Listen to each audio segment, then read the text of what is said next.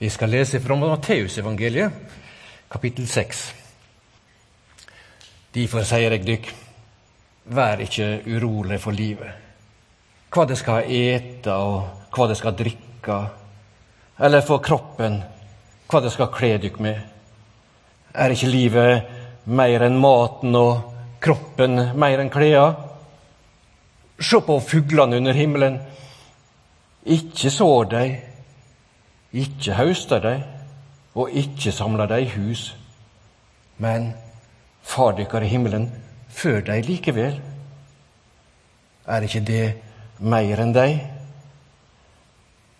Kven av dykk med all si uro kan legge en eneste alen til livslengda si? Og hvorfor er det urolige for kleda? Se på liljene på marka, hvordan de veks. De strever ikke, de spinner ikke. Men jeg sier dykk, ikke engang Salomo i all sin herligdom var kledd som ei av dei. Når Gud kler gresset så fint, det som vokser på marka i dag og blir kasta i ovnen i morgen, hvor mye mer skal han ikke da kle dykk? Det er lite truende. Derfor må det ikke være urolig å si hva skal vi ete? Eller hva skal vi drikke? Eller hva skal vi kle oss med? For dette er heidningene opptekne med. Men Far dykkar i himmelen veit at det trenger alt dette. Søk først Guds rike og Hans rettferd. Så skal det få alt det andre i tillegg. Vær derfor ikke urolig for morgendagen. Morgendagen skal uroe seg for sitt. Hver dag har nok med si møe. Slik lyder Herrens ord.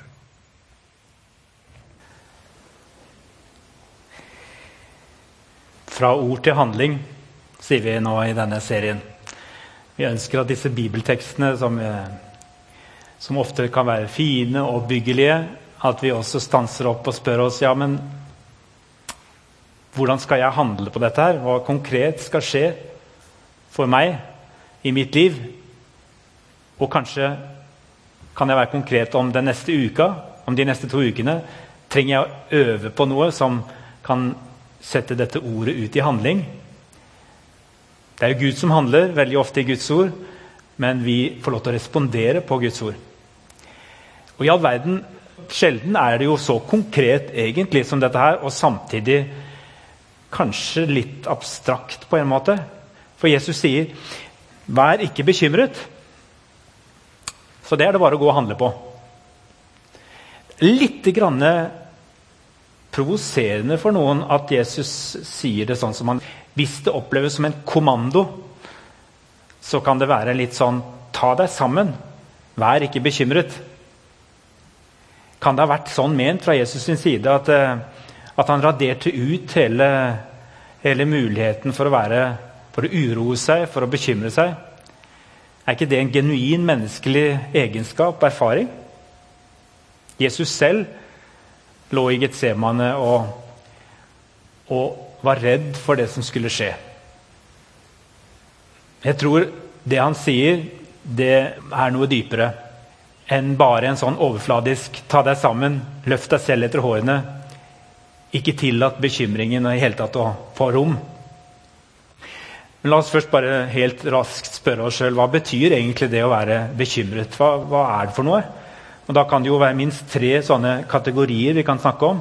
Og Det sikkert, finnes sikkert flere, men jeg velger å snakke om tre kategorier. som jeg tenker på. Det ene er en psykologisk erfaring, det andre er en kroppslig erfaring, og det tredje er mer en sånn type filosofisk erfaring. Og alle tre er kanskje også vevd sammen.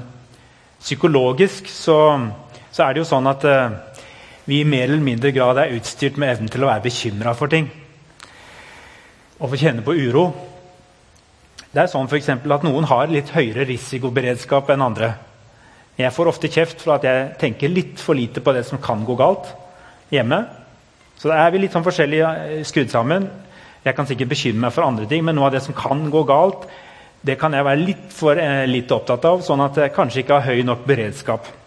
Vi sitter i et menighetsråd nå der jeg har fått en veldig flink leder som heter Henry Ove, som er godt i gang med å, å snakke om hvordan vi har beredskapsplaner i orden i menigheten. Og han har oppdaget at det, det er ikke så bra stelt i Det virker ikke som det er så veldig oppdatert i, i menighetslivet for øvrig og helt opp til uh, sentralt nivå. Så det forundrer meg ikke om uh, bymenigheten snart eh, ved sin leder får spørsmål om å bidra aktivt for å få på plass noen flere planer. Her er det mye som kanskje bør ryddes opp i. Er det dette Jesus advarer mot? At vi skal, at vi skal ha beredskapen i orden? Nei, det tror jeg ikke. Men sånn psykologisk engstelse den kan noen ganger være naturlig. Noen ganger så blir det noe som tipper over, og som tar overhånd. Og jeg tror Jesus er spesielt opptatt av at vi ikke skal være bekymret unødig.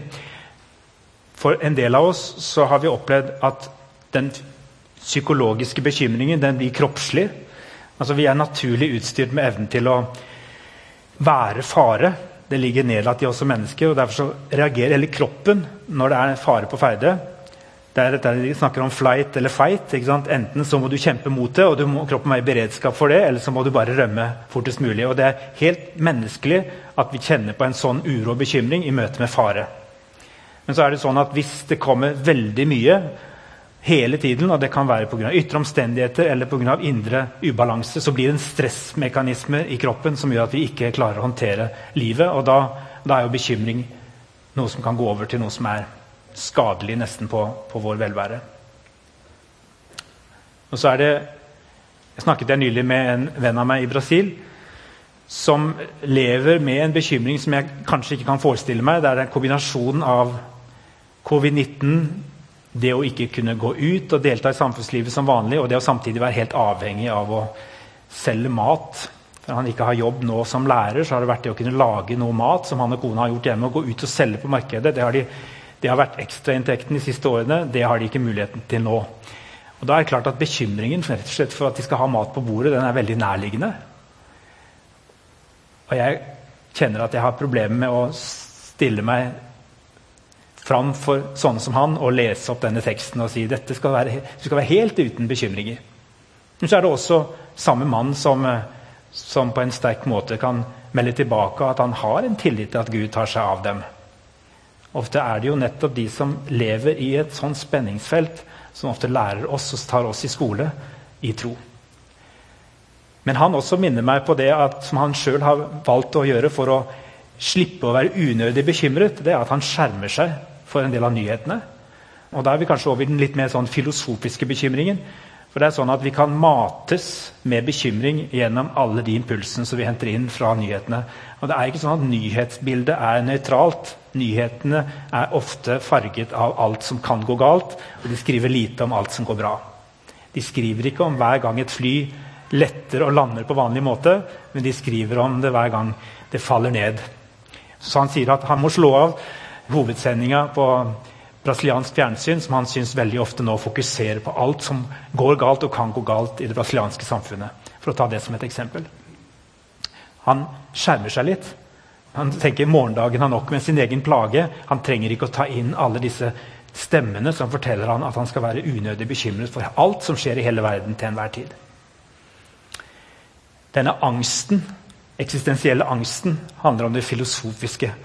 Det at vi som mennesker kan kjenne oss kastet ut i, i livet og i møte med døden, i møte med kriser, så kan vi kjenne på den, det som noen kaller for en eksistensiell angst. Fordi vi opplever at vi ikke har kontroll. Og Der er vi kanskje ved noe av kjernen som jeg tror Jesus er opptatt av. Selv om han snakker om det helt menneskelige å ikke bekymre seg for mat på bordet og klær, så tror jeg også at han snakker om denne denne type angst, som er veldig moderne, like mye som den var aktuell på Jesu tid. Nemlig at vi, vi har så behov for kontroll. Og at bekymringene de kommer når vi kjenner at vi ikke har kontroll. Når vi er kasta ut i det ukontrollerbare. Da kommer ofte bekymringen. Og den er menneskelig. Men hvorfor har vi så veldig sterkt behov for å ha kontroll? Ja, det tenker jeg er også en del av vår menneskelighet. Da vi ble skapt i Guds bilde, så bygde han inn i gudbilledligheten dette forvalteransvaret. Det å forvalte verden og det å ha på en måte innflytelse og makt og styre skaperverket, det ligger nedlagt i oss mennesker. Det å være forvalter, det ordet sånn som det blir brukt i skapelsesberetningen, og også når Jesus bruker det i sin lignelse, det er tosidig. Det å være forvalter det er å være, slave i forhold til en herre som eier livet ditt, og som eier egentlig alt det som du er satt til å forvalte. Men overfor de du forvalter, så er du som en konge. Ser dere den forskjellen? Gud har gitt oss mennesker kongemakt. Vi har fått enorm innflytelse og ressurser over skaperverket. og Vi er satt til å råde over dette. Det ligger nedlatt i oss, i vår gudbilledlikhet. Det var bare en liten hake ved det hele. Og Det var at det var ikke nok for oss å være konger over skaperverket og forvalte det. Vi, vi aksepterte ikke at vi samtidig var slaver. At vi samtidig sto under en gud som har skapt oss, og som har satt oss til å tjene Han i skaperverket og i møte med hverandre. Syndefallet er vi på sett og vis alle en del av. Og Der kommer den ubalansen inn i hele skaperverket og i skaperordningene. Ikke det at det er galt i seg selv at vi ønsker å forvalte og styre og forbedre og utvikle, for det er en del av, vår, av det Gud kaller oss til. Vi er noe mer enn dyrene. Vi er utstyrt med et hode, fornuft og sanse og evner til å utvikle og utforske og gjøre verden til et godt sted å være på. Men så lever vi hele tiden også i spenningen med vår egen eh, ondskap, vår egen eh, egoisme og vår egen gudløshet. Altså for både vi som er kristne, og de som ikke er det, har i seg denne her bortvendtheten. Ønsket om å ikke ha en gud som tar ansvar i livet vårt og som vi overgir oss til. For, for, hvis vi erkjenner at Gud har skapt oss, og hvis vi lar Han være konge eller være vår mester og herre, da må vi også på en måte lytte til han og lytte til at han vet vårt beste. Og gi han alt vi eier og har, og stille alt vi eier og har, til disposisjon for han. That's the deal. Det er på en måte avtalen Gud inngikk med oss. Og så roter vi det til når vi plasserer Gud utenfor ligningen. Bekymringene våre tror jeg Jesus sier til oss. Bekymringene er der fordi dere søker kontroll over livet på gale premisser. Jeg vil ha dere tilbake i denne gode relasjonen til min far, der dere står i relasjon både til far, han er med i ligningen, og til skaperverket og til medmenneskene rundt deg. Når dere er der, i den relasjonen, da slipper dere å bekymre dere for annet enn det som dere er satt til å forvalte i dag. Og forvalter dere det dere er gitt i dag, så skal dere ikke bekymre dere for morgendagen. Jeg tror det handler om dette at eh, punktuelt så har vi grunn til å se masse ting som vi kan bekymre oss for. Vi, vi selvfølgelig uroer vi oss over våre familier og våre venner og tenker hvordan skal det gå med dem. Men så, så sier Jesus ikke 'vær ikke bekymret'. Eller hvordan er det han sier det? Han sier 'se på liljene', 'se på fuglene'. Og Når han bruker det ordet 'se' der, så betyr det nærmest mediter, reflekter. Grunn over det du ser. Det er noe mer enn bare å gå ut og kaste et raskt blikk på. Men det er å gå ut og så er det å betrakte disse liljene på marken. Og så er det å se på fuglene under himmelen og lære av dem. Og da tenker jeg det handler faktisk om å bruke hodet vårt. Tenke over det vi ser. Og Hva er det vi finner ut da? Jo, jeg tror Jesus sier sjekk faktagrunnlaget for dine bekymringer. Han sier ikke 'kast på havet alle, all vitenskap og all fakta og alt som du vet', og bare kast deg ut på de tusen favner og tro blindt og satse på at alt går bra. Nei, han sier sjekk fakta. Gå ut og se og betrakt fuglene under himmelen og blomster på marken. Og se livslovene sånn de fungerer når alt er i balanse. Der er nøkkelen til din bekymringsløshet. Ta et blikk, ta et skritt tilbake og se helheten som du er en del av. For hvis du bare ser din egen lille flekk og det som er nærmest deg selv, så blir du fremmedgjort fra skaperverket og fremmedgjort fra det som kan gi deg den tryggheten du trenger. Og når du ser deg selv i det større bildet, da ser du også tydeligere hva som er din oppgave i dag for å kunne være trygg for at Gud har det store i sine hender. Og så ligger det her under en sånn Jo, men det skjer jo veldig mye vondt. Mener du at alt, alt er godt? At alt bare henger sammen, og at han ordner alt? Nei, så Vi er en del av en, en stor virkelighet der det er vanskelig å si hva kommer av synd, og hva kommer av andre forhold. Men vi lever i en, en verden der ondskapen har skapt ubalanse i hele skaperverket. Men, og det er det forunderlige, vi tror på en Gud som sier flere ganger gjennom sitt ord at på tross av ondskapen, på tross av synd, på tross av alt dette, så kan han virke. Det paradoksale er at vi kalles til omvendelse og til oppgjør mot synd og det vi ikke har gjort rett i møte med Gud. Og samtidig så kan den samme Far og Herre bruke det vonde til noe godt. Det må han ha gjort mange ganger gjennom historien. og Derfor kan vi faktisk si at vi lever i Guds plan. Vi får lov til å leve i Guds plan. Jeg skal ikke løse det ondes problem i dag, og hvor det onde kommer fra. Og jeg skal ikke si at det alltid er en mening med alt som skjer, og som gir oss grunn til uro. Men det er noe med å stoppe opp og si Gitt de omstendigheter som jeg lever under, og den verden som jeg er en del av, hjelp meg, Herre, til å ha tillit til at du har en plan, en overordnet plan med ditt skaperverk. At du fører det framover mot fullendelse. Og at når jeg tror på deg og lar deg være herre i mitt liv, og stoler på din sønn Jesus Kristus, som døde på korset for min skyld, og som sto opp igjen for vår skyld, og som ga seg selv for oss, ja, da skal jeg få lov til å også hvile i at du fullfører din plan. Hva er eh, din og min eh, del i dette her? Altså, Det er mangt og mye. Men hva er det han mener når han sier 'søk først Guds rike og hans rettferdighet', så skal dere få alt det andre i tillegg? Jeg tenker at Det er ganske praktisk. Det begynner i hvert fall ganske praktisk.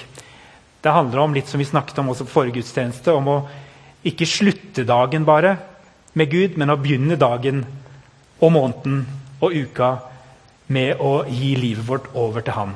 Han som har gitt seg selv for oss, han spør oss vil du gi ditt liv over til meg. For da kan jeg få lov til å velsigne alt ditt. Gir du det over i starten, både symbolsk og konkret, så skal jeg få lov til å være en del av ditt liv og velsigne det. Jeg blir ikke ferdig, jeg klarer ikke å bli ferdig med denne surdeigen som jeg snakket om for to uker siden. Jeg vil si, da snakket vi om gjær for det meste, men, men det er jo mye viktigere å snakke om surdeig i Guds rike. For det var det Jesus sammenlignet Guds rike med. Jeg var sammen med en forleden dag som bare nevnte akkurat det. Han sa ja, han og kona hadde snakket om det. Ja. De fikk ikke lagd brød, og de hadde ikke vært på butikken. Og så, og så hadde de heller ikke gjær. Og så sier kona liksom bare sånn Hva gjorde de før, hvis de gikk tomt for gjær? og så sier han kollegaen min de gikk ikke tom for gjær. For de hadde surdeig. Og den jobbet de med hele tiden, så de hadde alltid noe å lage brød av. Hvis de hadde litt mel og litt vann.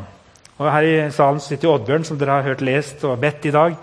Vi har også en som heter Jan i menigheten, og de, de, har fortalt meg litt om hvordan de lager surdeigsbrød. Det er en hel vitenskap som er hentet fram igjen i vår tid. Og jeg har egentlig lovet meg at det er kanskje min praksisøvelse de neste par ukene, at jeg skal prøve å gå i gang med å lære dette her. For jeg tror at det åndelige og det fysiske Jesus setter i sammenheng. Det er noe med å, å betrakte naturen og se del, at vi er del av noe større. Og få lov til å se det som skjer i forbindelse med surdeig. Det tror jeg også lærer meg mye om de åndelige ting. Og helt konkret så tenker jeg at det fins neppe noe bedre bilde på tienden enn surdeigen. Når du først har fått frambrakt denne surdeigen, og det er jo en vitenskap i seg sjøl, om du får låne av noen eller om du lager den sjøl, men det starter jo bare med rug eller rugmel eller hvetemel og litt vann og litt salt. Og så, og så neste dag så tar du vekk litt av det, og så legger du til litt mer mel og vann. Det begynner etter hvert å bli en kultur. Og så etter fire dager så har det hevet såpass mye at du kan lage et brød av det. Men du må bare huske på én ting før du setter bakverket inn i ovnen. Det er å ta til side litt, sånn at du har surdeig til neste brød. Så kan du fortsette å jobbe med den klumpen du har. Og så mater du den med litt mel. Og jeg tenker at Det er et bilde på tienden og hvordan vi forvalter og hvordan vi setter Guds rike først.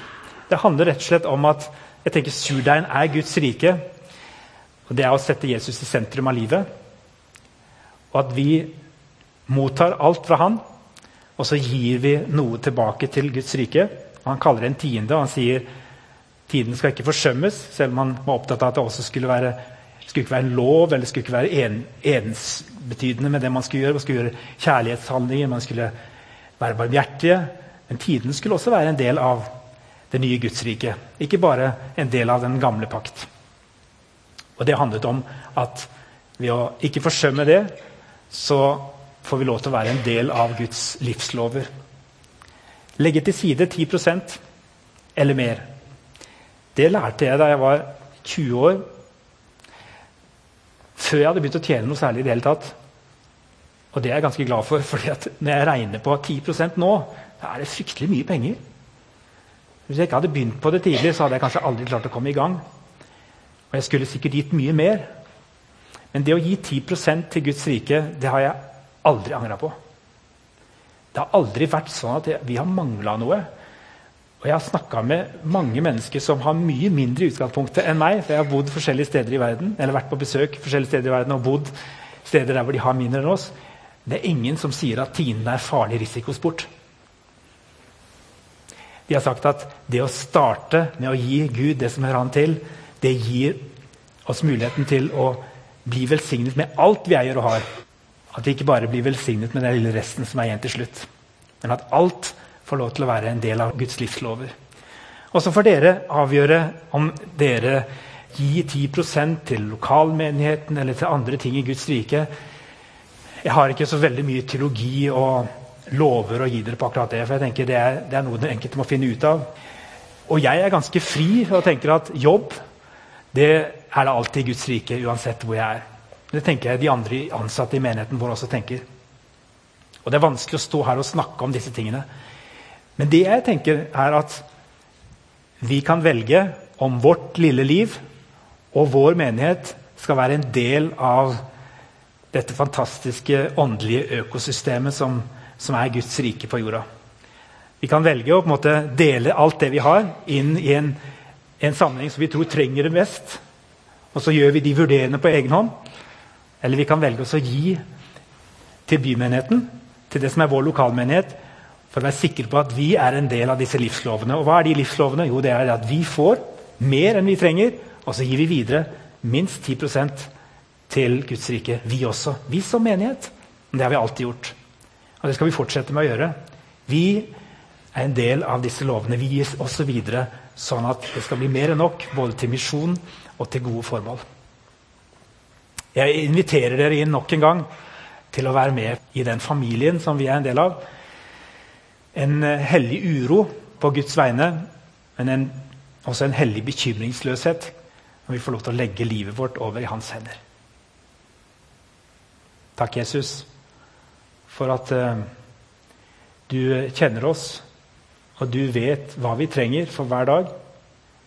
Hjelp oss til å knekke koden for hva det betyr i vårt liv, og gi alt vi eier, over til deg. Og være bekymringsløse som fuglene under himmelen. Og, og, vite at du tar omsorg for oss, sånn som du kler marken med blomster.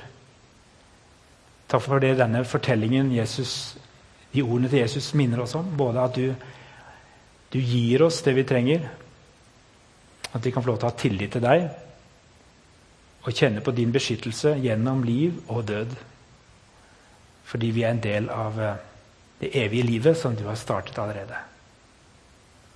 Til å få lov til å se gleden og nåden det er i det å ikke være herre i eget liv, men å ha deg som vår herre, og et hellig ansvar for å forvalte som konger det skaperverket du har gitt oss. Jesu navn. Amen.